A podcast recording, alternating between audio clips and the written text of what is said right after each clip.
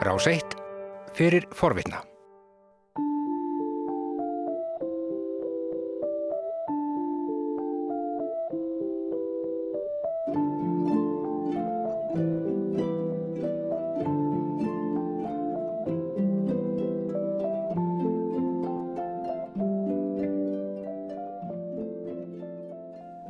Ágættu hlustendur.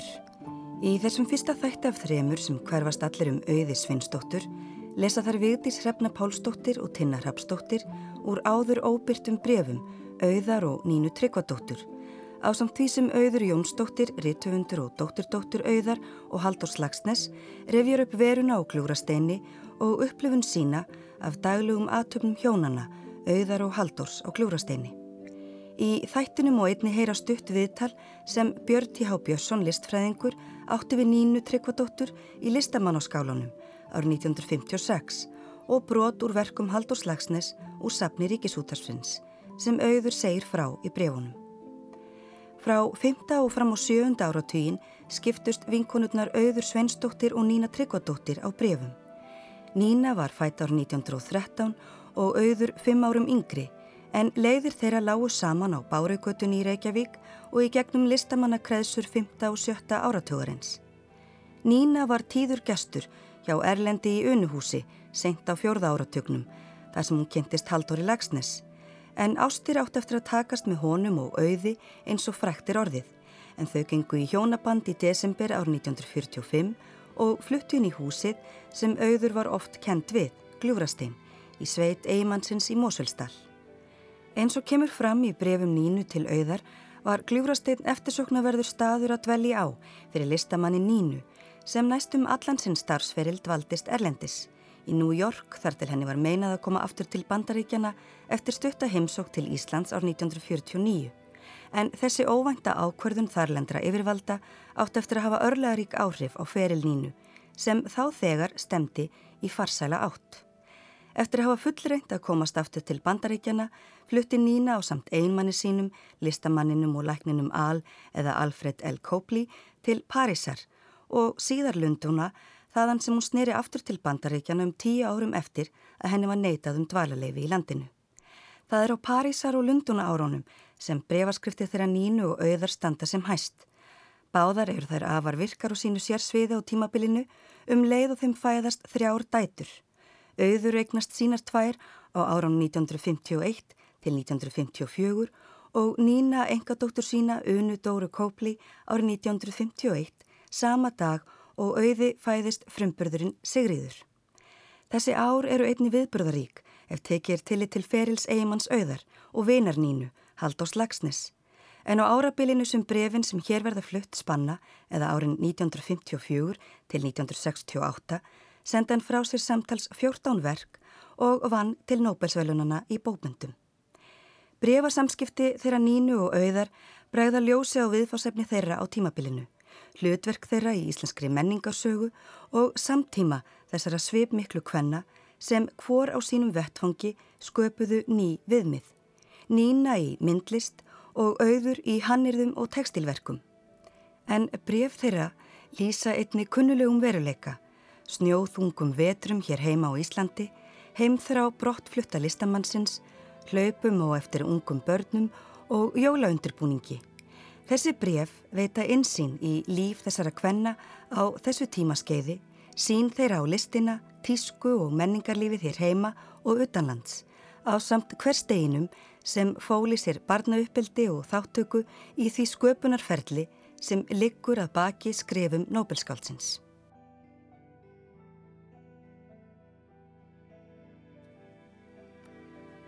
Nínu kynntist ég þegar hún flutti að Bárugötu sjö árið 1930. Móður sýstir mín, Laura Jónsdóttir, fekk herbergi á efstu hæðinni. Þetta var stórt hús, tvær hæðir, kjallari og rís og mörg herbergi á hverri hæð. Við Nína örðum strax góðir kunningar en ekki vinkonur fyrir en síðar. Það sem einkendi hanna var fyrst og fremst sköpunargleðin. Hún var jafn víg á annað í þeim efnum. Einu sinni saumaði hún sér pils, keifti bara selskinn og saumaði. Hún kom stundum hinga með efnistranga, lagði hann á borðstofuborðið og sneið sér kjól og hún var svo fljótað þessu að maður vissi ekki fyrir en kjólum var komin. Ekki endilega mjög vel frá gengin í saumaskapnum en fít í sneiðinu. Annað sem einnkendi nínu var hvað henni var eins og sama hvort hún seldi myndið ekki. Hún tranaði sér aldrei fram í þeim efnum. Málaði bara fyrir sjálfa sig. Einu sinni var kona sem eldaði og spann en langaði ekkert til að eiga sér mann. Hún átti bara ketti, sex fagrar fínar kísur og fyrir þeim hún mann. Hún gaf þeim skýr og rjóma og rauðu úr kríu ekki og hjælt þeim liði best eins og blómum í ekki. Fyrir innan stofuveggi. Hún hleyfti þeim aldrei út fyrir húsins veggi.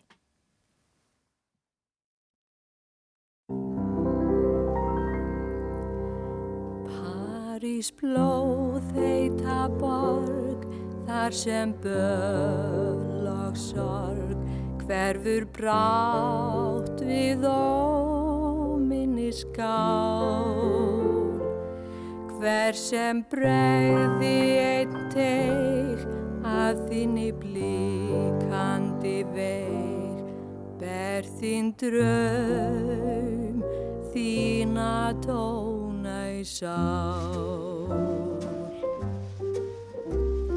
borg vins lífsgleði og ljósa.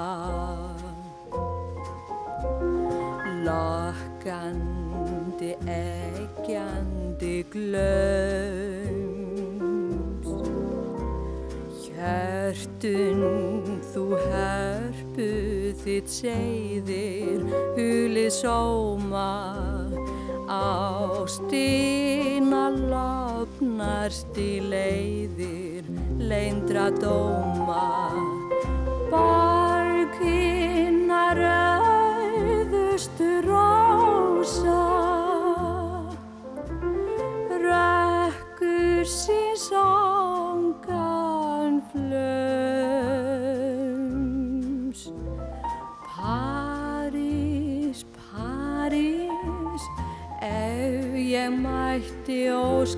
kjósa í nótt ég nýtti þín ströms.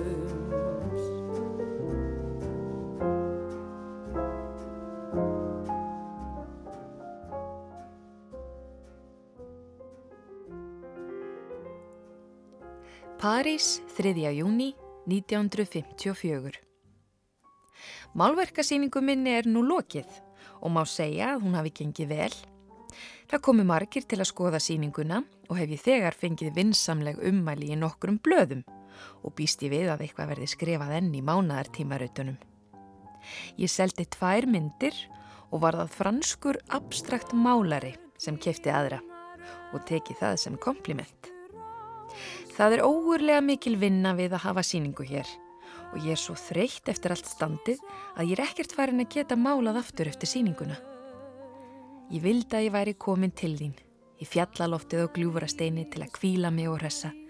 Þó að París er dásamleg borg að búa í, þá verður maður óurlega þreyttur á henni, eins og öllum stórborgum. Veðrið hefur líka verið heldur leiðinlegt undanfarið. Ég heiti fólk í gær sem var að komað heiman og það saði mér að það væri heitara í Reykjavík en í París. Ég sá hjá því Íslands dagblöð og voruðu fulla fréttum um filmun Sölkuvölku. Það hlýtur að vera mikið að gera hjá okkur um þessar myndir. Ég farin að hlakka til að sjá filmuna. Mér finnst bara að svo sem leikur Sölkuvölku sé oflagleg. Ég hef alltaf hugsað mér Sölku stórskorna. Hvena má maður búast við þeirri heimsókn hinga til Parísar? Ég byrð hjartanlega hilsa Haldóri og börnunum og öllum vinum. Skrifaðu mér bráðlega, hjartans kveðjur, þín Nína. Ég minnist svars sem Nína Tryggvadóttir gaf einu sinni blaðaspyrli sem vildi vita hvers vegna hún málaði abstrakt. Nína svaraði á augabræði með þeim sjálfsögðu ragleiðu viðbröðum sem myndlistarmönnum er gefið umfram aðra menn. Það er af því að heimurinn er svo abstrakt. Jólin 1954 Kæra auður mín, ég óska þér hjartanlega til hamingju með litlu dótturina og þakka þér fyrir brefið þitt síðasta. Ég sendi þér hér að gamni mínu eirnalokka sem ég hef málað handa þér. Ég vona að þú getur notað á. Ég hef ákveðið að byrja nýja árið með málverkasýningu. Þann 28. janúar á Palais de Beaux-Arts í Brussel, í februar í Stokkólmi og í mars hjá Galeri Brygg í Kaupmannahöfn, svo þú sérð að ég reyni að halda á spöðunum. Ég hef lesið í blöðunum um hvað Salka-Valka hafi tekist vel sem kvikmynd.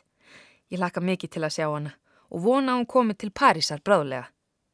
Jóska ykkur haldóri gleðilegra jóla og allsins besta á nýja árinu. Ég vonast til að heyra frá þér bráðlega. Kær hvaðja til ykkar allra. Þín Nína.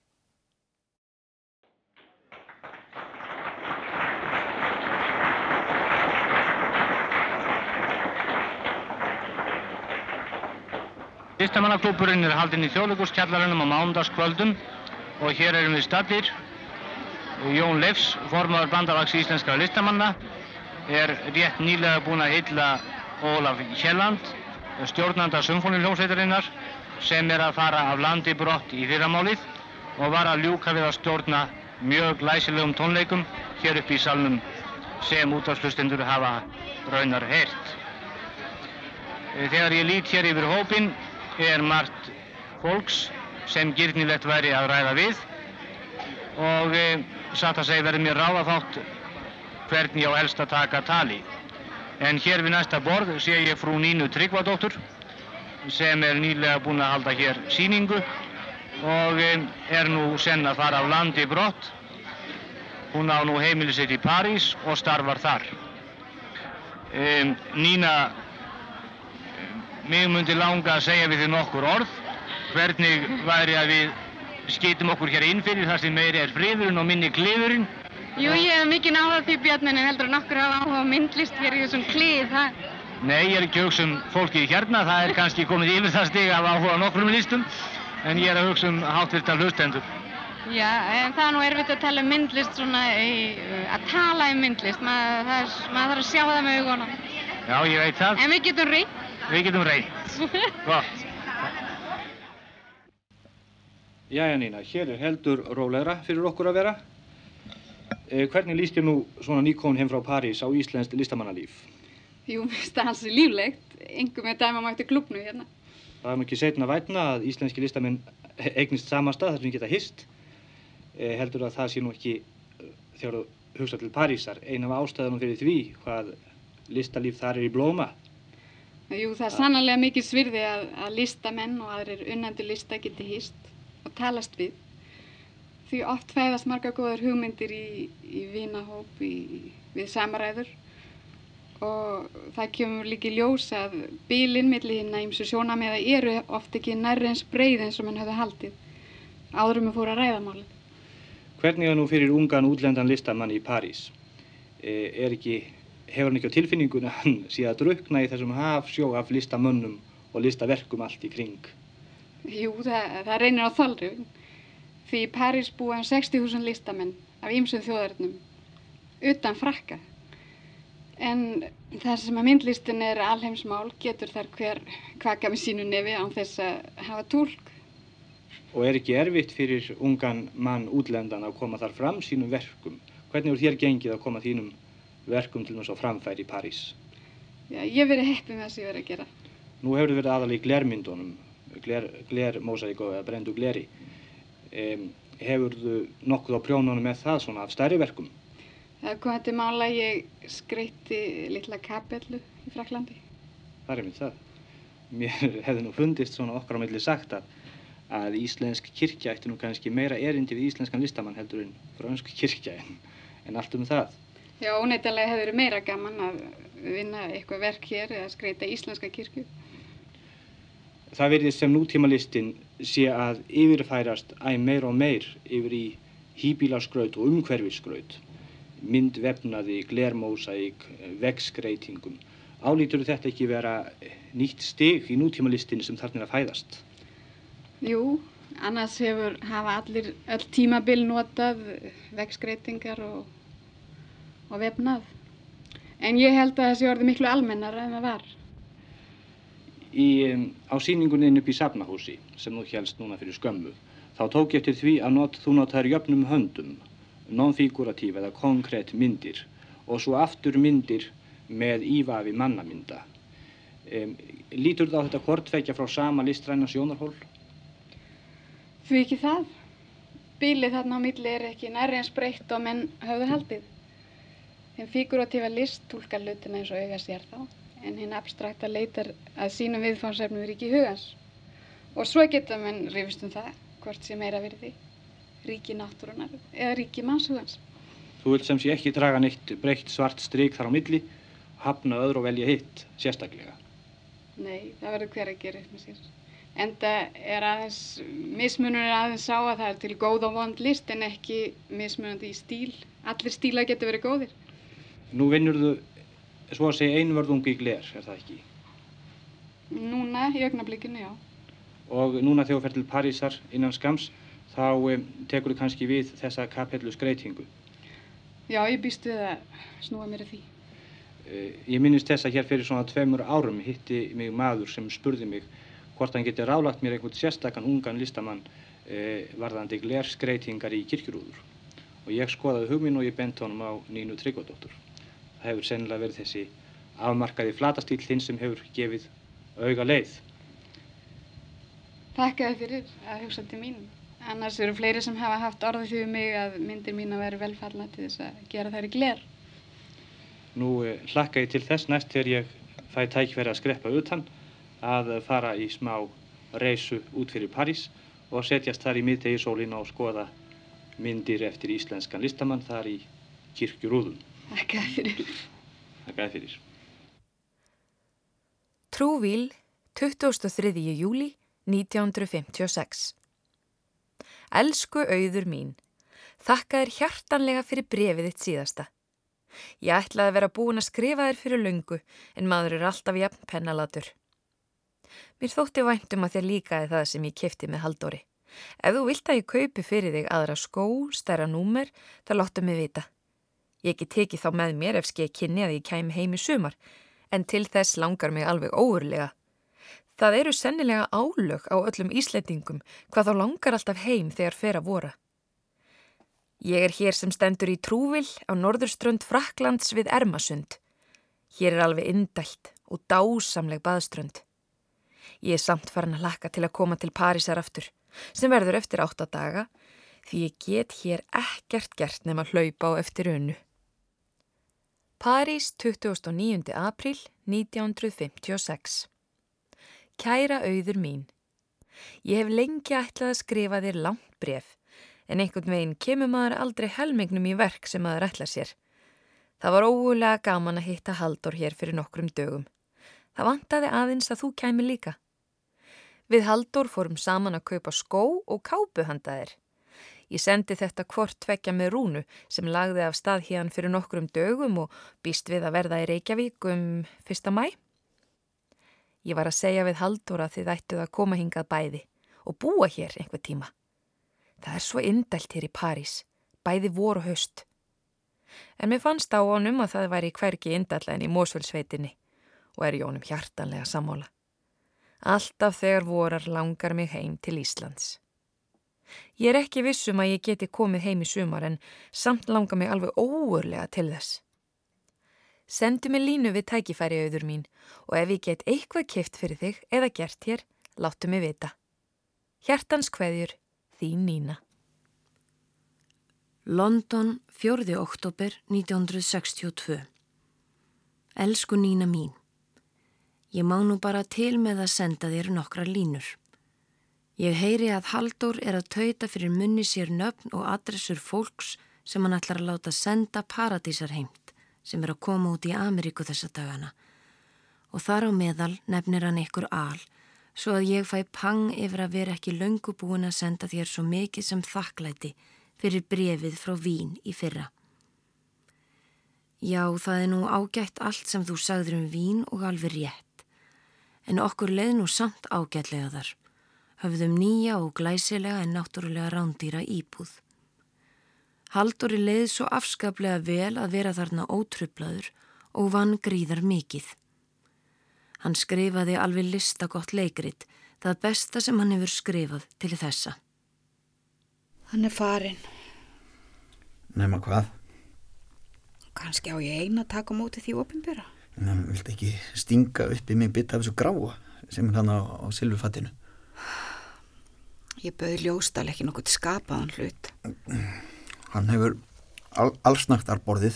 Já, hann gæti látið mig heyra fugglana syngja í trjánum sem engin voru. Jável næturgalan sem engin maður hefur heyrt hér á Íslandi, í frosti og hríð.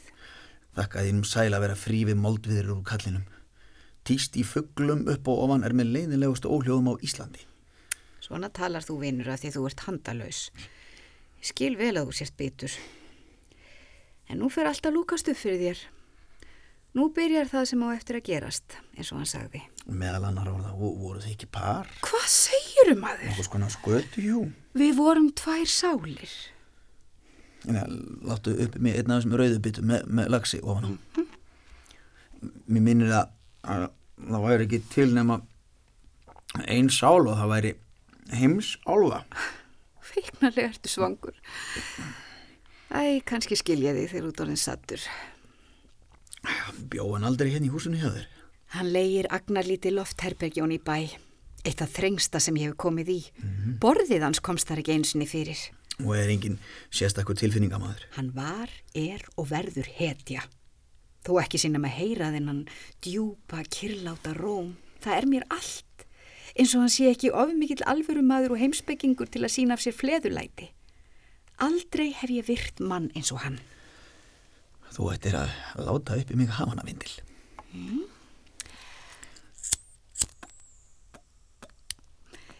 Í stríðinu þegar losnaðum allt og alla mm.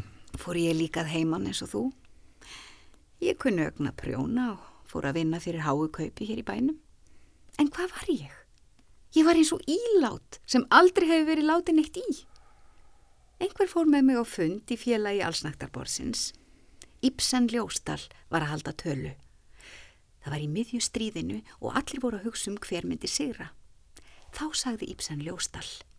Í þessu stríði mun nætur galinn sigra. Ég snýrist sama kvöldið og hef fyllt honum síðan.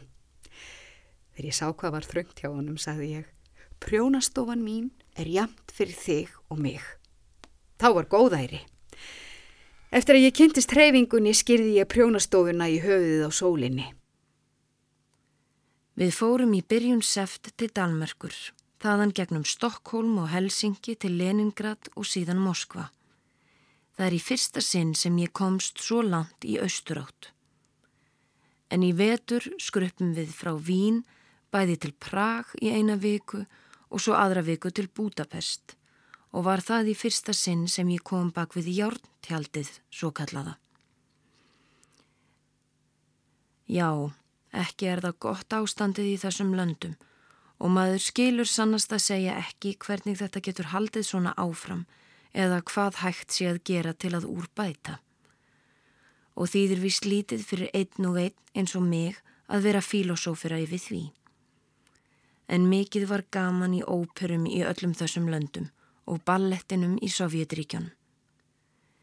Við vorum í Moskvu um leið og Stravinski og sáum hann hrífast af Boris Gudunov í Bolsói leikhúsinu fyrsta kvöldið sem hann var í Moskva eftir 50 ára fjárveru.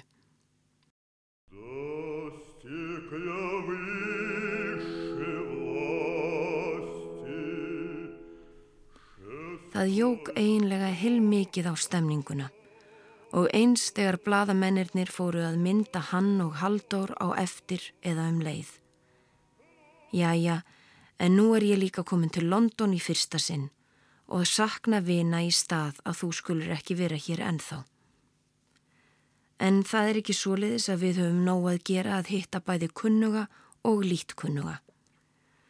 Og svo flý ég heim eftir fjóra daga og hef þá fengið alveg ágætti sömarauka því nú er sömarið fyrst að koma í Evrópu eftir mesta rigningarsömar sem menn muna.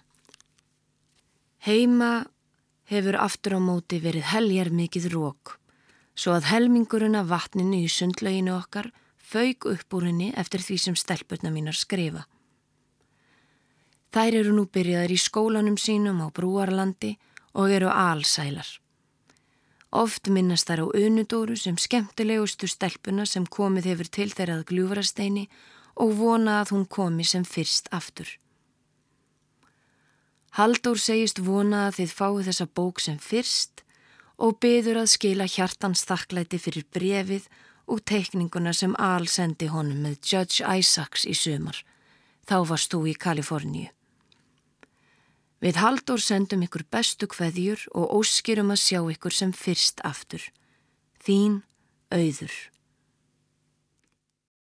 Gljúfrasteini 14. desember 1967 Elsku Nína mín, þakka þér fyrir brefið eða réttar sagt fallegu myndina þína og stóra kossin hennar unu sem kom hér inn úr dyrunum rétt um leið og ég var að setjast niður að skrifa þér. Haldur er nýkominn frá útlöndum, en ég kom á undan og við höfum haldið okkur að mestu leiti hérna á glúfrasteini. Haldur er mikið að vinna, gerir ráð fyrir að vera búin með nýja skáldsug í vor og eftir áramót fer ég að velrita fyrir hann. Hér hefst nú lestur skáldsögunar Kristni Hald undir jökli. Fyrsti kapitúli. Biskup vill gera út mann. Biskup kallaði undirritaðan á fundsinn í gærkvöldi. Hann bauð mér í nefið. Takk ég nærraði, segi ég. Biskup. Já, hver röndóttur, það má bara ekki minna kosta. Áður fyrr tóku allir ungir guðfræðingar í nefið og ég er nú ekki merkilegur guðfræðingur. Valla meiri nafnið. Biskup. Ég get fyrir miður ekki bóðið upp á kaffi því biskupsfrúin er ekki heima. Ég möl biskupsfrúr toll ekki lengur heima á kvöldin. Það eru upplausnin í þjóðfélaginu. Já já einu minn þér eru gæðalegur piltur. Ég hef haft augast að áiður síðan í fyrra þér skrifuðu upp fundargerð af synótus fyrir okkur. Það var meistara verk hvernig ég náðuð allri þvælunni úr köllunum orð fyrir orð. Við höfum aldrei áður haft guðfræðing sem kunni stenografíu. Þar hafðu ekki kunni þér að handleika þennan uh, hljóðrita eða hvað það heitir já, við eh, köllum það segulband hljóðríti er betra. Já, allur þessi grammofónismus nú á dögum, herra trúr, kunniði líka að gera sjómarp. Það er nú enn stórkostlegra. Næstum eins og bíó. Eftir tvær mínútur auðið sopnaður. Hvað hefur þið lært þessi ósköp? Það er svo sem ekki mikil þraut að taka á band. Ég fekk æfingu sem íhlaupamaður hjá útvarpinu en sjónvarp hef ég ekki stundað. Biskup, það gerir ekkert til. Bandnægir okkur og stenografía. Það er furðulegt að geta læst svo leiðis róttu hala. Dálur þið svo arabíska?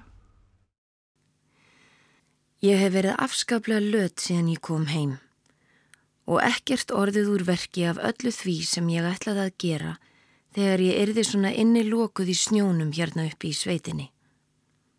Ég er nýbúinn að fá nýjan bíl, Saab, og er nú að venjast því að keira hann, en það er askoti mikil hálka á vegunum núna og óvenju mikil snjór fyrir þennan tíma árs.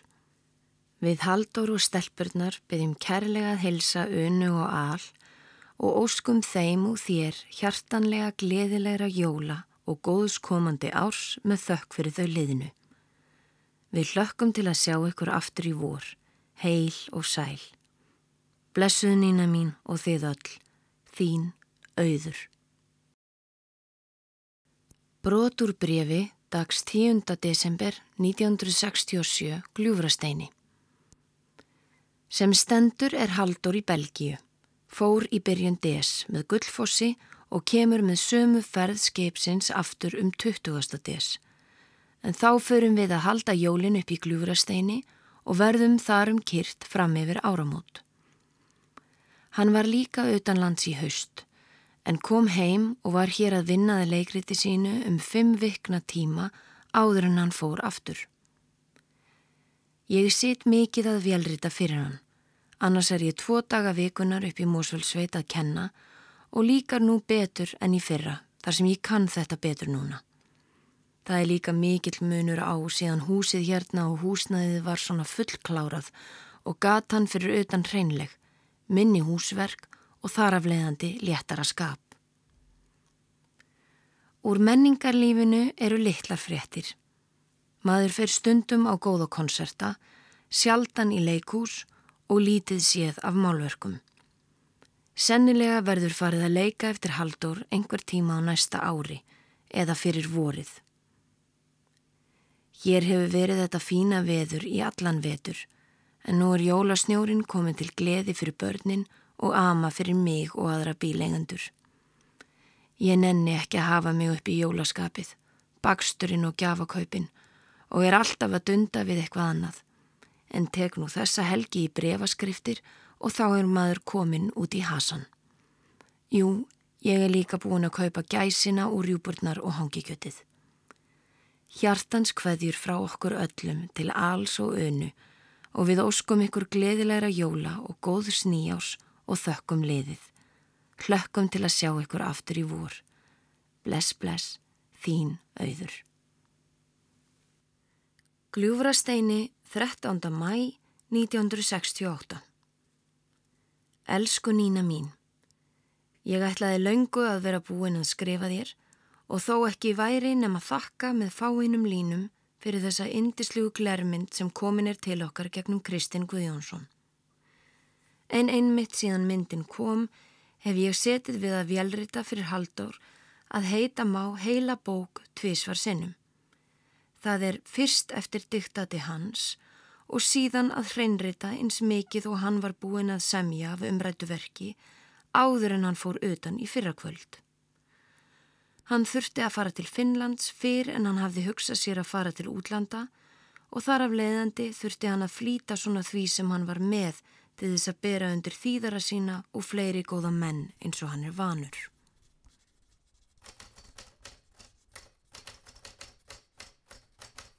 Þessu var líka alltaf þessi fræga vélritun, það er rosa mikið, hún var alltaf vélritað þarna fyrir hátegi hjá honum. Mannst þú eitthvað eftir því? Já, ég, man, ég var mjög mikið sko, bara eitthvað að fara líka því maður var ofta orðin bara eitthvað svangur og gátt hún alltaf ekki að fara að sýta matinn og borða og svona eitthvað, eða þú veist, undirbúa matinn. Já. Það var svo gafn að vera með henni yfir matseldur og þá, þú veist, þegar við vorum búin því þá fór hann út að ganga og hún fór niður og búin matinn og hérna og þá voru oft kannski eitthvað búið um að samt yfir morgunin eða eitthvað svona mm. og, hérna þá oft gekk hann bara um gól sko og hún velritaði svo hætti hann við og þá þurfti hún að taka pipaksið og, mm. og hann umorðaði og, og þú veist og já, jú, ég man oft eitthvað um þetta að hangja hérna með hundinu meðan hann gæti að falla upp uppstík eða þú veist og hérna eða bara í stólu eða eitthvað þau voru mjög svona þú voru mjög örgulega vun í sínum af því þetta var ekki tröflum, maður var heldur ekkert að tala með hann en þú veist þá var hlæðið fyrir maður að hengja hann og ég man hún gerði þetta fyrir mig þegar ég var krakki því að ég tók þátt í fyrir smásagmakett hjá æskunni eða eitthvað ég stál eða sögur bara skrifa fyrir sögur og lík gunnubókur um einhvern kapla guð gunnubók. En ég leta hana í sadal í stólum hans og leta hana velrið þetta og henni varst það mjög gaman og svo fengum við einhverja held ég, já, ég man ekki hvort það var það eða einhver ljósmyndakefni það sem ég sendi mynd eftir dunu mann eitthvað bækur eitthvað. En, en henni fannst mjög gaman, hún var mjög mikil þáttækandi með okkur í öllu svona, þú veist, eins og fara velrita fyrir eitthvað 12 ára krakka hún var alltaf hvetið okkur áfram og alltaf senda okkur á einhver námsk en þú veist, gera allt með okkur Nú er aftur á móti eins og detti bylur ofan af húsum þegar haldur er farin. Þá verður allt í einu nógur tími til alls og hefði mátt vera minna og jafnara eins og sagtir. Það hefur verið afskaplega mikið af alls konar listsýningum hérna undanfarið, en ég hef lítið séð af því.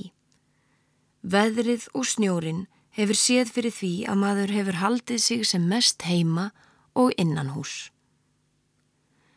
Líklega verða sigga og duna í gardirkju hér upp í Mósvöldsæti sumar, en um miðjan júli ætla ég að senda siggu til Englands nokkra vikur, í þeirri vonað hún mentist eitthvað á því og losni undan og ekki fórildar sinna auðmingin. Jæja, Nína mín.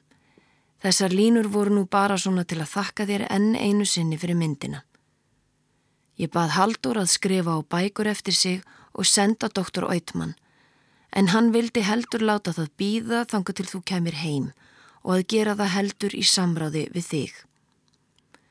Við byggjum öll hjartanlega að helsa unu og al og vonumst til að sjá ykkur helst öll sem fyrst. Blessuð, þín auður.